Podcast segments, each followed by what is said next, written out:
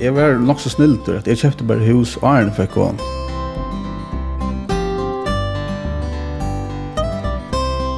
Og her var en eldre maur øsne som kom kvann der vi sunn og dunnom. Bløtte der av mann, og så kom han etter en atter og kveld. Anka tanne munnen her.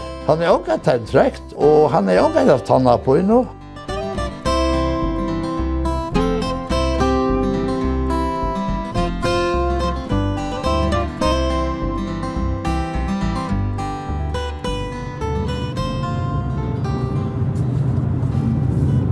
Gåan til, og velkommen vi av Nuttjan Tur. Her nu kostet jo en tøyma eller så, og i aller fakrasta vekkere. Det er det kaldt i det, og det er kæva kjent.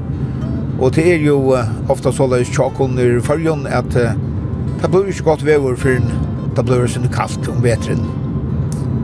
Er det kvar nu suttje male i det, Det er ein bøylingur, ein gammal bøylingur, og jeg har vi avtalt av ein mann som veit nekva sia om hendan bøylingen, og så er òsne atlan at hitta andre folk, fyrir at høyra om løyve og bøylingen bæge fyrr og nu. Det er og metalige vekkort solen ser hinne med i tjubene, og Estorsugene og Kalsøytene, Jeg er altså norranlega i Estrøytene, og hette er Fuglafjører som er fyrir stavn, og bøylingren som vi i det for at uh, høyra møyre om, er vi Tjekvaroa. Til den første bøylingren du kommer til, da du kommer til Fuglafjører, og jeg halte at uh, nek sier at det er nok den eldste bøylingren i Fuglafjører.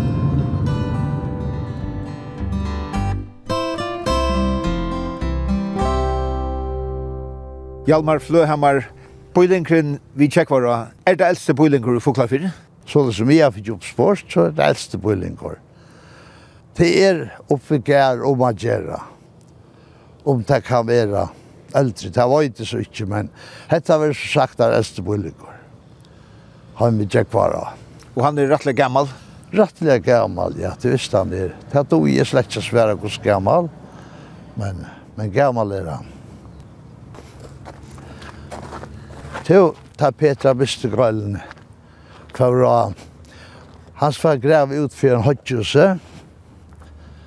Så tar jeg opp ditt av grav, han opp der han til, han finner forskjellige døyler av husarhalsdøyler, husarhalstøl og forskjellig. Så stekker jeg nå og setter jeg på etter fotfrøyden Sverre Dahlia. Og her kom som vår. Og så ble det grivet. Og så funnet han også nek. Det ble så marsjet, det ble stekket av her. Han slapp seg grav om her. Og det er her iver. Han slapp seg iver her, ja. Når var det? Jo, det var en av sørste i fjørtenen. Ja, en av i fjørtenen, ja. Her la jeg. Hette er det stikket her. Ja i og med tjekkvara. Er som pelene standa? Pelene er ikke til å gjøre, men, men det er her. Steinen er her, over med steinen, og så nye mot verden, det var en svår forskanter her. Det ble så steppet av, og avgatt driv krivet etter. Det var en av tog her og grå. For jeg vet at kvinna var, det har funnet en ekv. Men så ble det snakket av, og det avgatt opp at det ikke. Det har funnet forskjellet, gamle knivar, gafflar, og så var det ting som var heimagjørt av forskjellige slag. Og så var det her som Grikvann er vere, Aska var her. Det er ikke ved Stavrhus, men nå kunne det godt være at det, var, at det ble langt hent av, det visste jeg ikke. Men det ble ikke grivet bare. Som er ment av egen, men ta i så øyne for det skjedde jo i halvtrusjonen at at tjallan her stå her, ta fjord atler i høyl og ikke i tjekk tjekkvara sand, og jeg er kaste av vinter. Ta for da snakke om gospert, jeg vil huske hva jeg var ferdig. Ta om det helse av vinter. Bløyde det nekka stedfest, altså, nær det var fra? Nei, det var ikke hva tøyr her var fått en tøyr, det var ikke, men ikke bare vidt. Så ta spelt jeg ikke ble farvojare.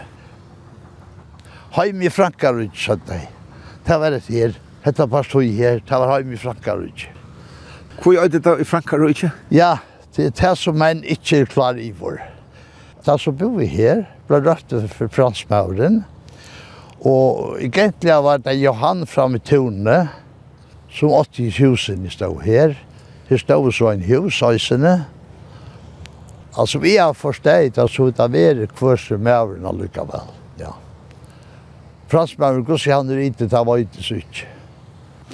Alt som er døme som jeg var ute, det er veldig akkurat, jeg blir pikkelig smadranger. Ta minnes jeg franska skolene kom inn her, så får jeg kasta den ut. Ja. Ta kom på land, men, men så tar jeg ikke opp, så tar jeg bare fingersfisen utene. Drøv ut av nye nøtene, nye under her, under øyrene. Hette er efter vi Ørnabakken tvert vi her, hette er oppe i øyrene. Vi sier at vi til Norra, sier jeg vil heim i øyrene. Men hvordan spør jeg til at du kom inn her og sitte nødt? Ja, det vet jeg ikke. Jeg vet ikke hva til. Jeg vet ikke hva det kom av. Ta vær, så jeg ikke en vi tjekk bare.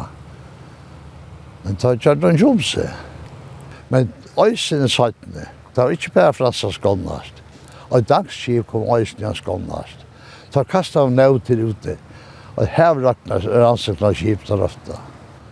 Ta kast av nødt her, fyra kanna fisken. Heldur du at det åtti jeg vil gjørs møyra vi at grivi ut for å vite hva det er? Avgjørst, avgjørst. Avgjørst han burde vi burde vi grivi møyra. Det burde det være. Ja, ja, så da finner jeg jeg vet bare hva gammalt det er. For jeg finner jo en tøyerfesting? Ja, ja, for jeg finner jo tøyerfesting, ja. Ja. Det er spennende vidt, det er ikke veit bestemt, ikke veit. Hetta tar mette om 16, 17, og så løs. Det kan være ikke veit. Det kan være helt gammelt. Så hvis tingen de funnet var så, og hvor og hver falskjen ble brun av, så er nekka.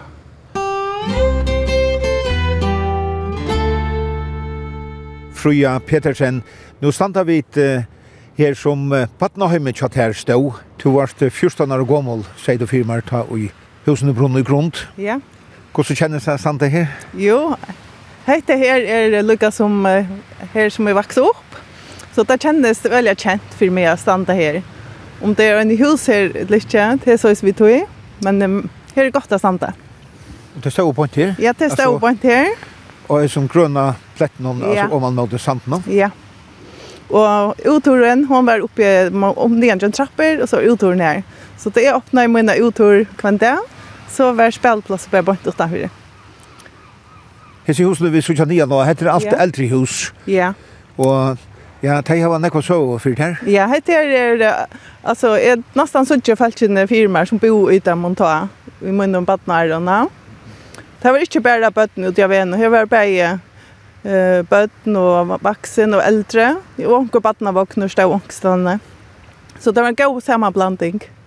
Og eisne tar vi tidsja om man har santen, så var eisne menn som arbeidde nesten her på en ordna av sånne ting. Og her var en eldre maur eisne som kom kvendt vi så sunnen donnom. Lette der av mann. Og så kom han etter en atter og kveld. Det har alltid vært kjent for jokkene, så ikke. Så kanskje vi bøttene spalt i okkar egn og ver, men det var jo vaksen folk rundt om alle tøyene. Og har du noe særlig minne om noen folk her? Ja, jeg kan si også som alle alltid, ja. men jeg minnes vel Sara, hun var ofta så ikke vinter noen, og så omkring dagen så trångte det til kanskje at jeg vaska vinter og så åpnet jeg en vinter jeg har et lite mal i håndene, og så kørte jeg en sin ut om og vaska jeg. Og omkring dagen har en bruk for at vi bare får et örn till fyrarna så röpte jag någon. Och så får jag ganska tveja och kunna ställa göra det som man yngste har i bruk för det. Ja. Fink oss extra lite jag i rätt för det. Det var så mycket jag snacka om. Hon bor ju i Reja husen om. Hon och Edvard bor här på. Men så hyrde vi det till vännen här på. Det var ösne spalt ut i Kinesias handen så var det nekver aktiviteter av vännen här på. Ja. Här var bare bindeløys og hoppaband, hoppalastik, og ja, så det var også en fotballsvedler til dagligt. Og kommer biler, så får man til Sujis. Og så fortsetter man. Ja, og så er det Kjall Tjekkvarajen, hun, ja. hun renner jo her. Hun renner her. Henne har tid. Henne har tid. Henne sovna jeg om kveldet, og henne vakna jeg om morgenen. Onkna var hun også frialig, og onkna larma jeg om morgenen. Eller jeg halte ikke det larmer. Det var ett annat av och en dag. Så det här vi vi alt og jag och oar totle. Det är en stor pastor av Batnaren och Nøysene. Ja. Onkran det, så får man ut och jalla och så får dämren vi tog i. Onkran dronger, hade så just fläkar men gan och där får man ösna på i. Tid flott så henne til to var 14 år gammel. Det var tog at det kom eldre i husene. Ja, det hendte brottelig en dag. Og på tannmaten halte jeg at hekta plass. Det har jeg også lært med at et heim, det er ikke bare et hus. Det er et heim feltene til å leve sammen vi. Det er en hus der, det er ramme om det som man annars kan skaffa seg. Og tid er jo nekk sikken, og det har vi nok mest her i bylingen, og tid er Får du igen, ja? Jag har ikke också att om det selv, men uh, det har jeg att folk sier som bor her ta. Att det var en stor brøyting fra til det vi ikke var här mer. Att det bröjtes vi går sådana här var och spalt och här på ett. Vi er nästa syskon. Alltså mamma och hon är født 15 böt och vi er så 12 liv i det. Ja. Og det kan man si, själv så har det mest att jag i sådana bötten inte byggt här långt. Ja. Men yeah. du uh, er jo kommet atter i omkvar, eller kommer ja. atter, du, du har kjøpt en hus som er her. Ja, og det er en tanke jeg har haft, som jeg vet med i nekvarer, om det ikke er i hånda litt, da kommer jeg atter til bygdene. Man ser om det verger og vidja, og anker syskjen og i øysen her, og det er i hånda litt, da kommer jeg atter. Og øysen verger her, vi må inn og bøtte noen, og vurste man hver er oppvaksene. Men nu kom så en mövla å kjøpe en hus efter här i Jackvara. Og så tok jeg, og det merker til at jeg får bygge etter uh, i mine barndomsgade. Ja, hvordan er det? ja, det er spennende, jeg vet det. Men jeg er øyelig spent, og jeg vant det var øyelig godt. Og de husene du kjøpt, de er så banter oppi, er det så gravo? Ja, det er så og vi kvister her, ja. Så Men du er ikke ute i stedet? Det var så første dagen at det var at det er ute i husen, ja det er jo klart å flytte inn i Kjammer. Og de standa midt i bøylingen her. Ja, og vi energiserer vekkere utsikt som uh, faktisk er stemplet inn i i mitt minne, helt fra Vatnia. Ja, jeg vet ikke hva jeg endelig hosgåttet kom fra, men jeg minnes da jeg var også om 12 år, da var vi noen jenter, vi uh, kibar og badnager. Ja, ja, så hade vi forskjelligt uh, forskjelliga aktiviteter till dig och så var det ett och ta upp chocken och och så var det barna gärdan där og och så var det onkel an är det jenter långt kanske ut i land som ösn hade barna gär och så för vi så för vi tur härifrån och det skulle akkurat som det gör det lojast 2 och 2 och så där Men det er først forskning. Jeg vet ikke hva vi tar finns inte idén ifrån, men det gjør vi. Så får vi ut av vidja partnergarn ut i land. Det var ju om sommar och så vart det. Ja ja, så fikk det kex och og saft från och, og så vart akkurat som ordentlig. Ja ja. Vi var näck ved huset, så det var bruk for å köpa brei og mjölk och frukt och det som skulle till. Så jag känner väl till jeg får ørender för mamma och Norge här alltså och och til tar dagliga varorna faktiskt där. Och ta vart i sjös när att det ble skrevet lenge liste opp Nei, nei, jeg skal minnes det åtta natt. Jeg skal lære åtta natt. Så det gjør det. Ja. Så da det var sånn här vid huset så så var det kanskje nej att färd til handelskvant, ja. Ja. Så på tandmatna er man man sent og man och man vän vid nutje breje og nutje bollar allt kvant det. Ja.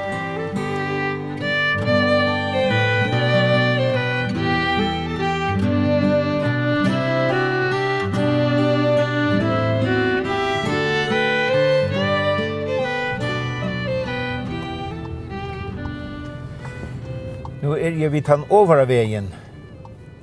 Her vi tjekkvar av. Og her er uh, bilsmian stender her.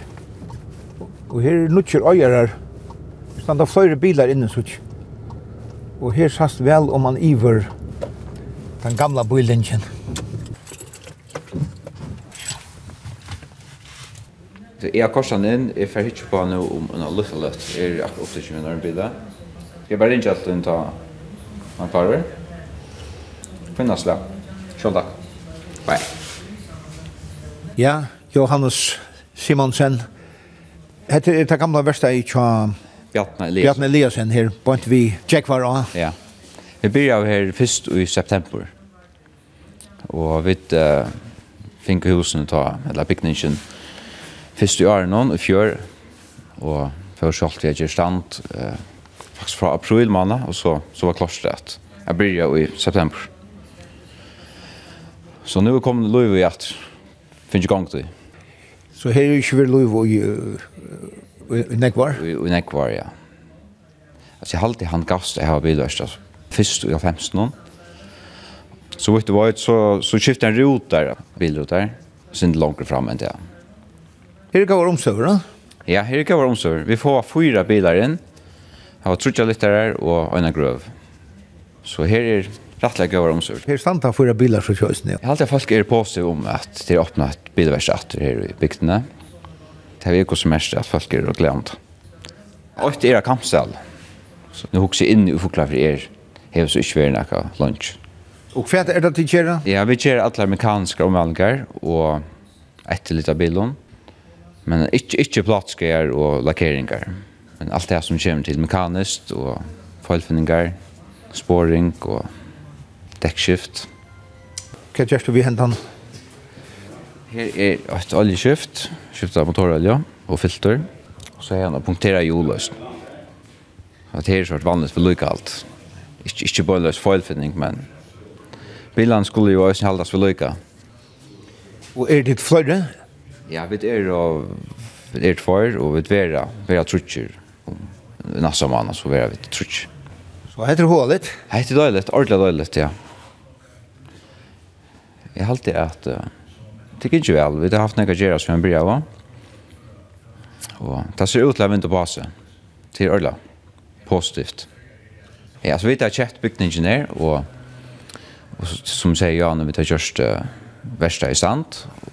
Det är fair vi att göra uppbona upp jag i stand och Hette er portret til Foklafjører her.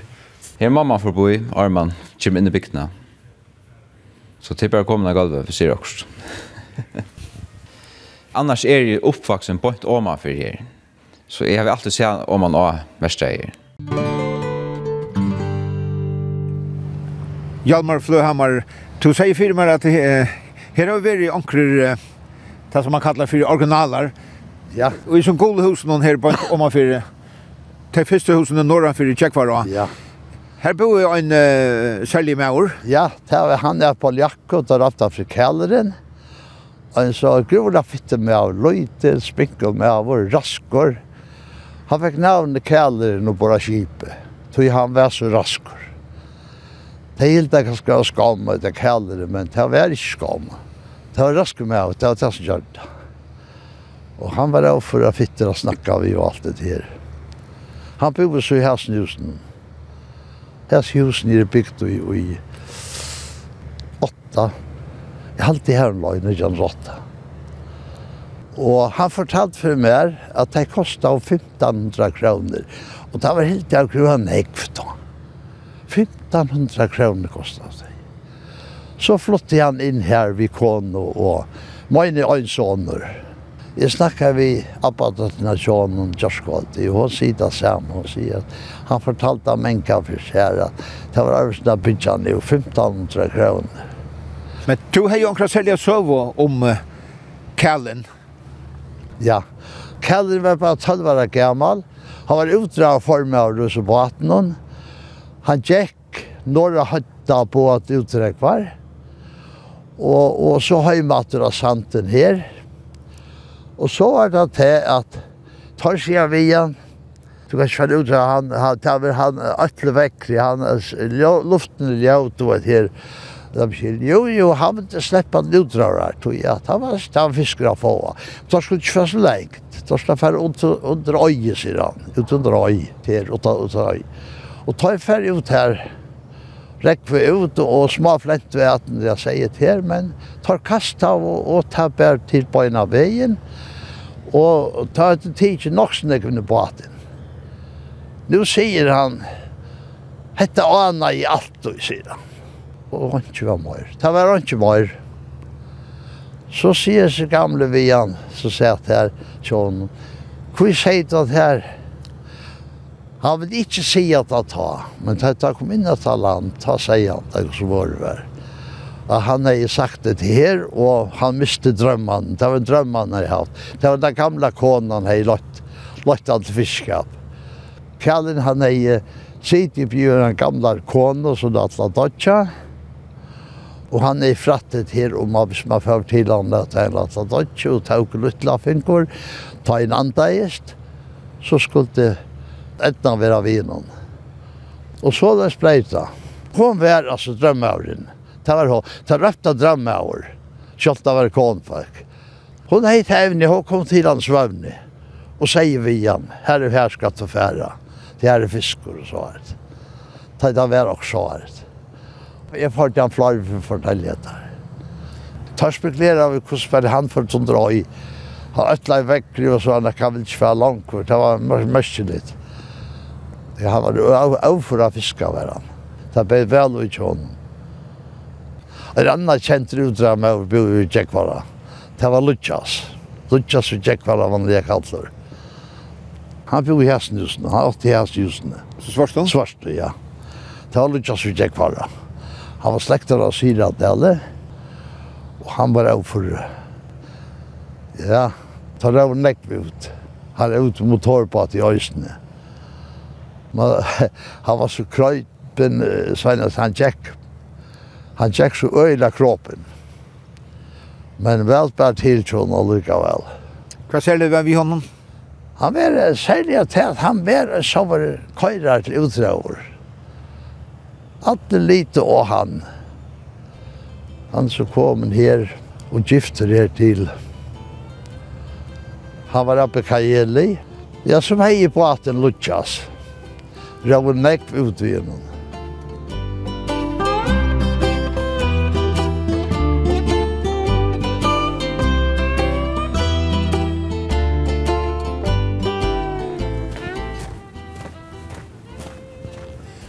Hetta er Dalbo gøta, ein lítil gøta her miskøyes oppi i bøylunchen vi tjekkvara. Og her bor Katrin og Lætjene, som hevur kjøpt badneheimet tja mammene. Og anker sier firmer at Katrin har vært malanegv, malningar, men hon er ikke så rask at uh, syna fram.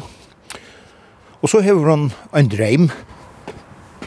Så det er flere forhånd at det er yngre ataline i vil teka husene kjalt ham en eldre. Atar husene. Hallo, hallo. Hei. Hei. Nekver uh, fullfringar få oss i townlag og nekver mala og tekna og, og, og kvart og Men du hever, du hever nekvar målningar her i stålene.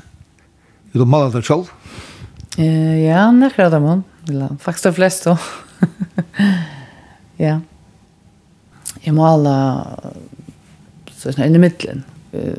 Og i nok snakk alle sammen, men ja, ta jeg tog til det og sånt.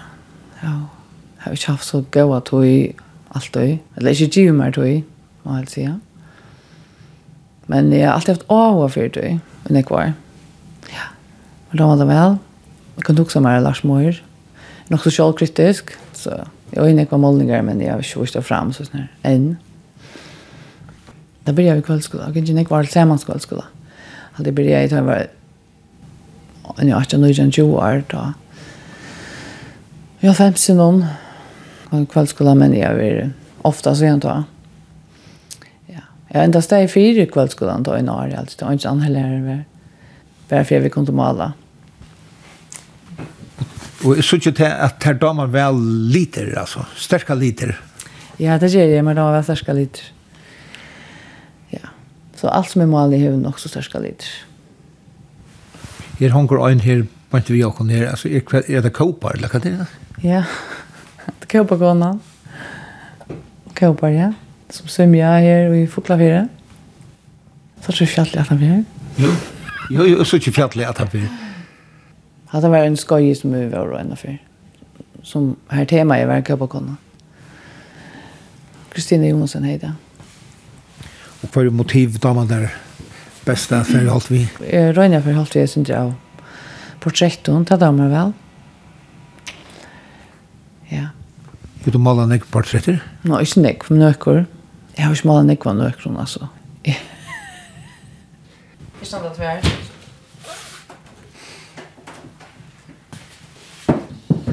Ja, og jeg med var og en kona vi brillen og nere av nøsene. Det er nok stått ligere, sier jeg. Ja, det var interessant å male eh gamla folk vi nekk från rockon det var lika som Taylor det efter det för jag här så man ser några alltså uttryck i anledning någon och så här det var detaljer. Jag vill vita ankra. Varma sig framsynning men anka haft själv nej och öliga läxan jag vill läxa men jag kunde gott hugga sommar det, ja. Det var ganska sommar Och så du säger att du äh, att lära för att kjøper inn ut, altså læra mer. Hva du hoksa du om da? Ja, jeg har hoksa lunge om at jeg kunne hoksa meg faktisk for ja, Lars Møyra. Det er føler ofta ta meg selv kritisk over, som man at det mangler noen ting. Jeg kunne ikke vite han innenfor det. til at måle, eller til at tekne teknikker. Det handler jo om det er nok så et handversk. Det kan jeg godt hoksa meg til Jonkron skola utanlands? Ja, utanlands, ja. Nu är böttenjammar nog så stor. Jag huxar om, om några år. Då är det, kan man säga, nästan helt läs. att det kan färra som jag vill. Man är ju bunden alltså löv av, vuxna löv av bötten kan man säga. Och en showmanne till pappa där. Det kan du också vara. Så det är om det gånger som du huxar nu, alltså en lista skola? Ja, också en lista, ja. Alltså, jag vet inte för en, en lissaskole som tekker tre år eller langer. Men det var ikke, man kan alltid tekke et halvt år først, eller åtte år, halvt år først, det her råkner vi. Man skal jo også nok som at det koster for alle sånne skoler. Og det her har vi planer om, så man skal godt ha og drømmer, da. Alltid hvis man er AHA, så han drømmer verst ofte alltid. Er det noen lyst folk som du har som uh, fire mynd? Mm. Uh, men de var vel Jag gör det på mye måte. Men alltså man ramar alltså vid öja flöjer här förklara för det och man ramaserar väl Bergfritz och Hegenkansel, Fritz Jansen. Då er det då äckliga ologer men um, man ramar trolig vel på at for Fritz stor öliga vel, vi akkurat, vi tar samme smak at det kommer liter alltid, ja. Brukar størska liter. Og Hegen han han dår öliga vel alltid at at att vi vid ljus i mörkret få ofta ljøse flott fram og inn i kommunen. Og vi da er flere gjerne og sånn.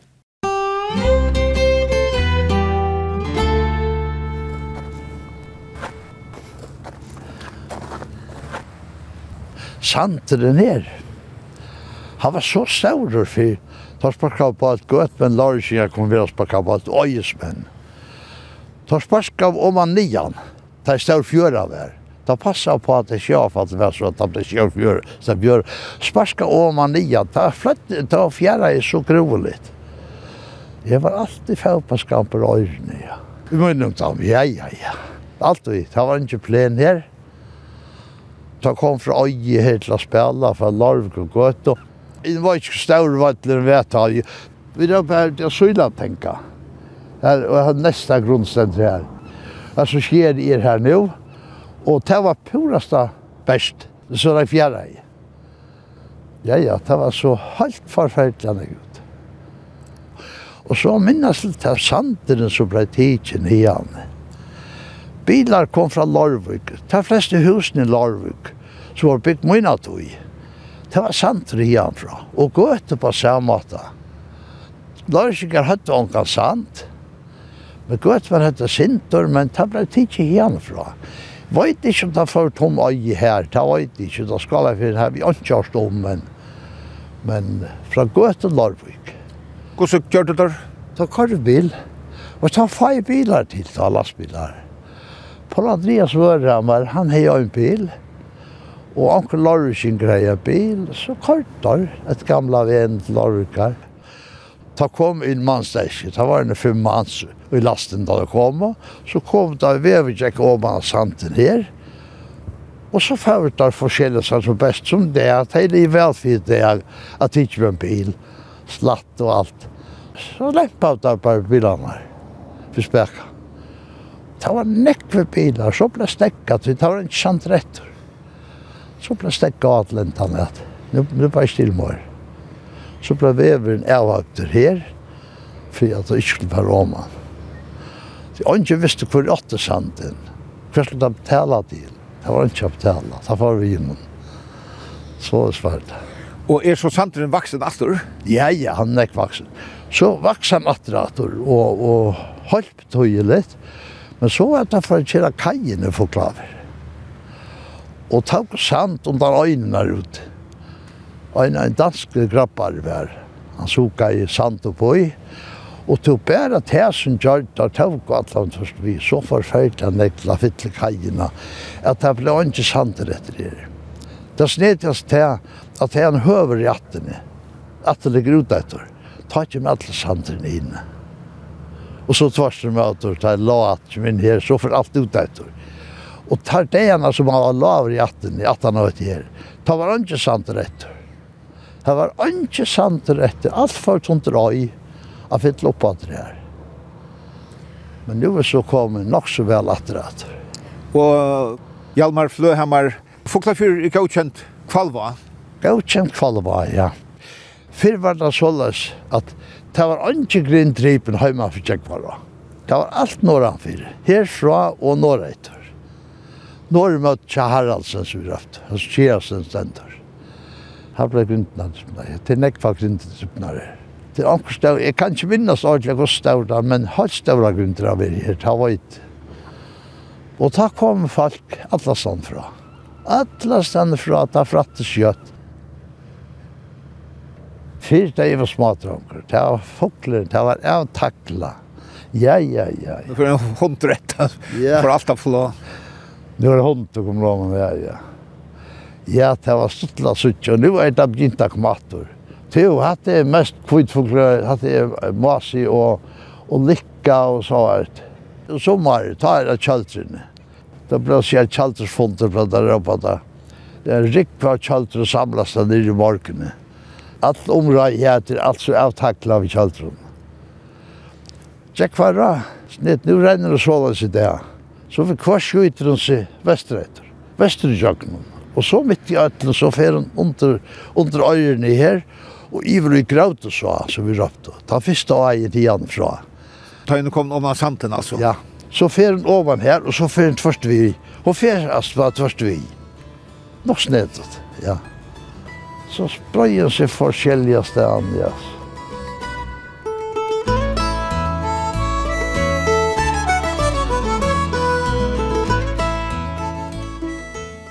Eion Eliasen, arkitektor, to ert uh, oppvaksen vid tjekkvara i Foklafire. Hever bøylinkeren givet her ublåstor til tutt yrke som uh, arkitektor? Mm. Altså, jeg har sjån alltid vært opptidgen av det som du sørst, og jeg gleder det, og tekner det, og gransker det, du, bare vi eier noen, og vi, vi strikene. Jo, det er jo det halvsikker. Altså, bare utsøgne fra Jekvara, om man har sanden, og ut i vår fjöllene og fjøren. Og så er det her omkvarvet, eller det her løyv i middelen bygningene, middelen nestene, og Jack tunne som holdt. Det var en løyv i da jeg vokste opp. Og i halvfjersen noen. Det at han også er, det skaper oss her løyv, Ja, det gjør det alltid, ja. Og sen tar man här nu finnes det granska synder vi bojer og hvordan bojer har utviklet seg. Så viser det sig allt i sövliga att osar här var särliga antydning. Nu har Lise ju Aarhus förresten och det är ju som bojer som är sprotten ur uh, osanon över osen. Det sexa att komma ända fra till namnen osen. Det är alltid spännande att få oss via en osa. Alltså inte minst som bad vi spalt och och ändliga några timmar nere i Asanten hon. Bajen flottelse till höger och vänster allt på andra på flow och fjör och ovanför och allt det. Men det var nog så dynamiskt. Men det ofta strust vi att göra bridgingar tvärs om, men det är inte illa. Det var snägg vatten i ånden som oftast. Bojlängren vi jäckvar och vi foklar för eh ver och alltså mätter av flest och folk kunna vara rätt gammal och alla helst den första. Det är sen ringt präkva men men målsliga är det ju akkurat där. Alltså det projekt var öder öder ute efter eller eller norr efter. Och är man är det stan i bygden så det hem efter, alltså hem till första steg allra helst. Och det huset som är är ju är ju hem i stova. Så det är också som bänder att jag jag har ju kost eller en teknik här av boilingen någon de gamla boilingen och hette så en ett kost från Nujan Arnujan 100. Och det är nog så tydligt att sådär det är boilingen och en vi jackar och så näker är det. Ungen er, er sånne for, eller åttan for jackar. Sjøldagengen hever nok snakke sier for livet løgjentene, og ikke minst nå av døven, at det var gøy ut i økker. Nå, så ser man et annet kort her fra 1908-talsrush, ta er bygd til Møyra Samavoksen. Et annet ahova verst ved Bøylingen ved Tjekkvara er at alt det som kommer til gang og sunnene fra i landet Jinko etter uh, bygdagøttene, og så Åman og i Tjekkvara da det kommer til bygdene. Så alt det kommer om seg ånda ved Tjekkvara. Eisne målslige er, er avbendingar om at uh, vi tjekkvara ganske særlig heimestov og øtje. er rett og først at vi öll stederne fra tog stederne til norrøtter. Man fyr fra tjekkvara og norrøtter. Og det gjør sikkert mening ta i, i helt gamle døven, man fyr norrøtter. Det er nøklunda norrøtter fra tjekkvara til noen. Nu er det alt norr etter, selv om du først er miskøys i bygdene, til nu er det tjadnen i bygdene, så først du norr og havsbril, men det er nesten stikk sover, så til totale forvirringer og foglerfyr, men det er, det er nok skjemt av vittig, og det er, det er nok skjermerende til alt. Så alt konkur, altså norr etter urtjekkvara, eller fra tjekkvara? Alle vei for alle rom, ja, og foglerfyr for alle vei til heimestå, eller tjekkvara til hunden. Utsynne fra Jaguar Tune og Uta Kjegg og uh, sånn det som vi kallar for Larviksfjall er særligt uh, utsynne. Altså det er øyla flotte profiler av fjallen. Og så har du høfjall høyre hånd og rymlig høfjall av venstre hånd som peikar nye møter uh, Sjónar range nån til horisonten noen, og så kommer sier fjalla ridgener vid Larsfjalli og Øron Så det är nok så særlig flott motiv och det har jag sen teckna en, en hundra färger där Gidiet som, som smadrangor och ungor. Det minns det öliga när dömer på att jag sitter teckna att det utsynet. Men alltså en åse, alltså här som Ajen renner om man har kjegg og santor er og sånt. Altså, det er særlig spennende, er det ikke det? Jo, altså for bøten, jo, absolutt. På alla måter, ja. Vi tar sånn rå i jollon og, og flækon inne i åsan. Så det är spännande för barnen, ja. Men för vuxen, øye til øyne er bara spännande. Vi då bara ska bruka det till noe spännande, men men det är noe av tog nu og vi får klara för nere vid Jaguara och så hållt upp ett ösanon. Här är ballplats, det säljer om sommeren, er att det blir brukt som et rekreativt öke för alla borgare men men sälja vuxna folk ja och ung folk. Man då bättre att bruka dig attraktiva støyene og gjennom bygdaleie eller noen boie, ja. Og gjennom boie, som Foglafjør er, er, er nekve trafikker og nekve hus, nekve bosteier. Og Brikvin om Tjekvara, helt der nere, hon er rettelig gammel og tåler ikke ordentlig alle ferslene, og han er, her bare plass til øynveis ferslo. Det er spennende å tekne, eller kjipene gåa spennende brygg, så at hon øyne ble en aktiv pastor, altså som man ser til manna, gjørta, Det gjorde man ånda. Brikvin må nok gjøres av nødgjøn. Hun er smøl og ring konstant. Hun er jo en gommel, så jeg var samt er hvordan betonkje hevet det. Og det er, det er spennende vi arkitekturen at man kan oppfylle en funksjon, en tørv, og så skapa akkur spennende bursjordtog i samståndes. Nei, ja. Det var ikke sånn. Så måtte vi, hun passer så vel i må være hesen. Her var det. Ja, nå finner vi et litkjel fra kommunene. Folk fra kommunene og gjør hese husene vi tjekk var av. Gøyle husene. Hjalmar Fløhammer. Her er hona litt inne. Her er hona litt inne. Hvor spør det til at kommunene og gjør det? Det er etterkommerne tomtjafas vi husene. Og så var det til at kvora vil så gjerne kjøpe det fra hans. Og det var at lei, ta kjøpt det så, men så måtte jeg gjøre stand til å skytte affæren. Så finket der Thomas av fløtene gøtta til å tenke seg av husene gjøre. Og det er vel ur hånd til grøyt. Ja, det er en gammel uh, fiskemannehus. Gammel fiskemannehus, ja. Ja. Jeg tror ikke jeg sier er husen, det er løyter. Her er så Katja, i er det noe annet, hva er det her? Det er også Gaimo, ja? Ja, hette var Spuskammer og Svar, ja, Spuskammer og hatte Katja. Så det er... Og her er så et rom av træt. Hette Stovan, tverkotjer og lagt med loftegalvet. Men her var nekk folk i huset. Hette med oss som åtte i husene. Morstana Galde. Og jeg her, hette kæleren. Unga tenn. Han sier for meg, han visste jeg, han visste ikke nære med tennar. Han er unga tenn trekt, og, og han er unga haft tanna på inno. Han er skrå alle sine tøy fra småtron, ja. Så han visste ikke. Og unga tanna munnen? Unga tanna munnen, nei. Og velpær til. hatte morstan om världen, hatte lutsjas vi tjekk jäkvara. Ja, ja, det er fra tjantro og furs og så her løy alltid. Det var nekk folk i hus og Jesu lytte husen. Trutje dronjer og tver jenter. Og så teg bei. Tjejfolk? Ja, tjejfolk. Og så hadde de alltid omkran, loserande, av familjene. Og bare tver kodger, jeg tror ikke ene rakstående og tver her. Var det ikke lovt? Ikke lovt, nei. Bare så at jeg sett også på. Så kvart rom er, jeg vet ikke hvordan er det er, 5 meter. 15 fermeter? Ja, også er det. Det er kanskje nær ja. 25-30 fermeter sammen? Sammen, ja.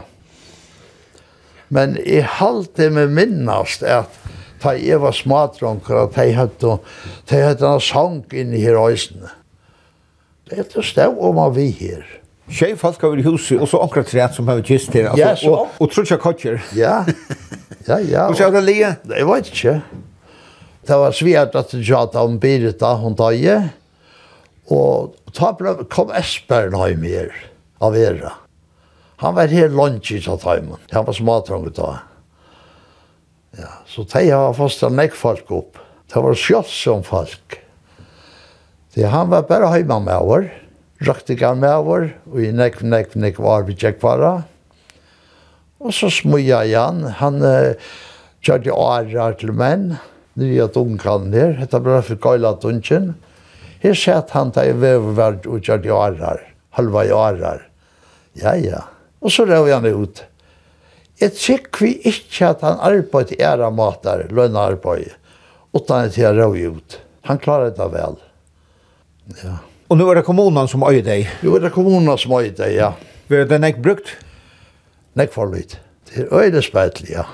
Så jeg held til at kommunen skulle løye det ut til akkurat. Akkurat enda om alt. Vi har akkurat hvis vi gagne her haft. Ja, ja, det var nek for litt brukt. Det var nok så nek brukt av første togene til forskjellig ungdomsarbeid og sånn, jeg kan ha det nye her. Men, men, jeg vet ikke. Da Skalevs komme, da var det her. Da var svart kommunen, og nei, bare alt her oppe, til Kransen Kirsten. Da jeg tar frambust forskjellige støvner, så, så er det alltid Skalevs der og frust fram. Jeg har jo omkant det malet å si Gøylevsene. Det er faktisk hus og lampa. Men hette hus og Morstans jalver er forvikt. Hette Møyre og Fuglafyra Gjera, ja. Ja, vi tjekk var ja. Ja, vi skal skriva på. Du må få skriva? Det er alltid, ja. Skal jeg skriva en halsang, eller skal du skriva? Du skal bare skriva en halsland, ja. Du måste utländiga komma med er till. Först han fick på att jag skulle lätta. Jag var jo fremme. Jeg er jeg skriva. Takk fyrir at vi finko lykjelen og sluppo inn i hese honalige hus. Vånande vera tei nek brukt i framtøyene, tøy tei sia en søvu om tjekkvara. Ja. Ja. Vinaliga, så vi var her. Jeg ska skriva til. Ja. Flores.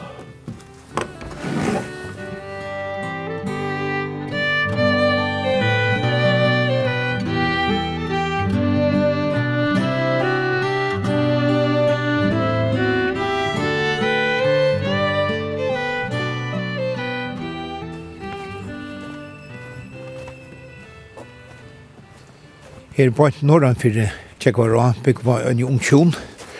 Det er stand og øyne hus på en vi ånda så er det til nastovator om man for veien. Det er Elisabeth hun er et porskhus, nå er det nok også i lampanon og frittleif i lampanon.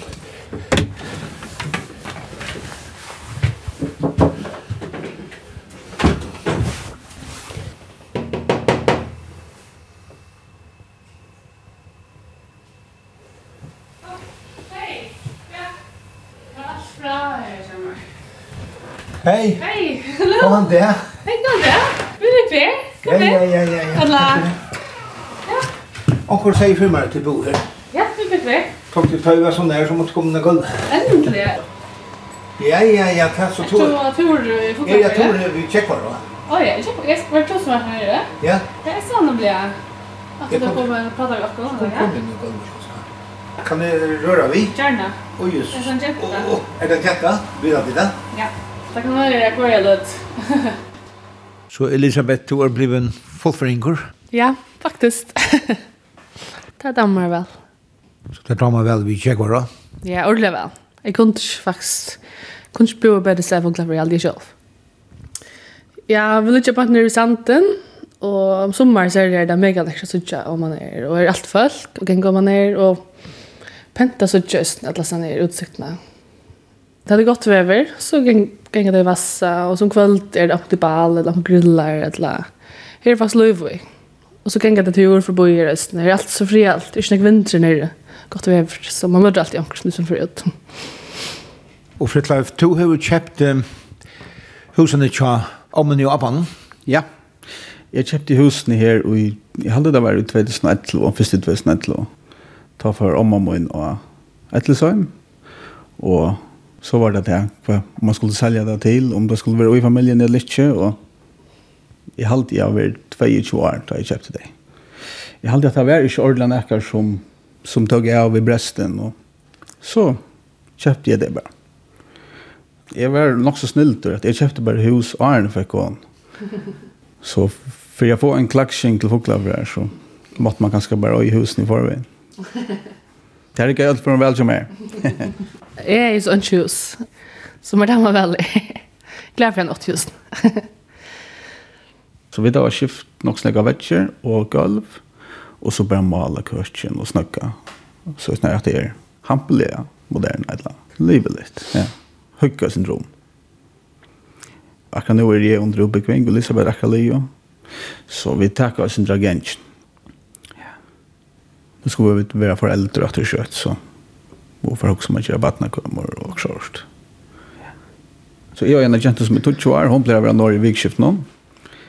Och hon älskar det för om Alessandra spela och ett Leona ett Leona. Mm -hmm. ja. Nu är brukar också större. Så vi eller jag kanske bara bo i faktiskt är i Barsel. Och taskan är packad och allt är klart så jag bor ju bara på Basel Jeltol. Men vi är nog spänt nästan alltid. Mm. Men det finns ju vidare det är en jenta. Akkurat her som vi bygger nu, her er en gammal hus som har sjåan haft eldre folk. Men akkurat nu, det siste årene, har det vært en sån utskiftning, en naturlig utskiftning. Så det kommer flere och flere barnfamiljer og i, och i nabolaget, så det är stått litt. Jag er akkurat nu lærer Läro i Bank Nordic i Klagsvik. Så jeg kører til Klagsvik och kvann där och arbetar. Det är ikke noe på seg. Det är på seg. Det är ett gott å köra. Jeg er annars venner ved att arbeide i havn. Mm Og det er en god tøyme kvann veien, så det er en ordentlig lagt. Hvordan det er vi går inn, ja. Ja, jeg var jo i desember i Sejan, jeg leser utrott, eller humanfysiologi. Så igjen der har vi undervisninger, jeg min namn kan stelle, og arbeidssynder innenfor fysioterapi i Østene, eller uen av innenfor fysioterapi. Men, men nå er jeg ferdig barsel.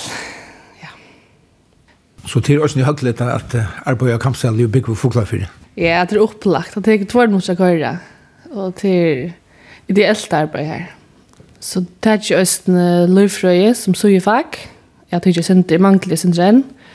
Og så hos jeg, det er veldig opplagt og undervist jeg ganske for fremtiden. For uh, två månader sedan så började jag med en bindetloppa här, foklafyrir. Det här är bäg Lucas som jeg, så er han som ble flyttet her til, som ikke ordentlig kjente denne grann, eller så. Og en Sommer som er vaksen oppe. Og det her er ikke ordentlig vel alltid. Og alltid alle mennene eller kjegene i Jøkken tar kjenne hans fra fotballtet og fra da var yngre. Så det er noe som er nevnt Jøkken å komme sammen, Øystein. Mm -hmm. Og så har vi Øystein, det av vinkelen med Laksvik, som Øystein flyttet her til. så jeg har det, jeg har nekk folk av vidtje her. Det kjer meg alltid.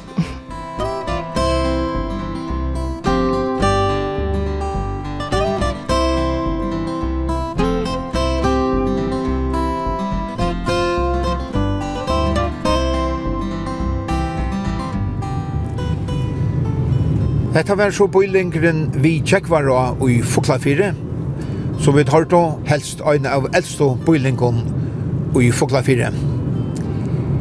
Sendingen er atter at høyre i utvartnen torsdag klokkan 11 og leierdag klokkan 4. Og vi tar det tur i høyre østene og så jo av Facebook, som to er velkommen av dama. Takk for i det. Vi tar oss atter om Øyna av.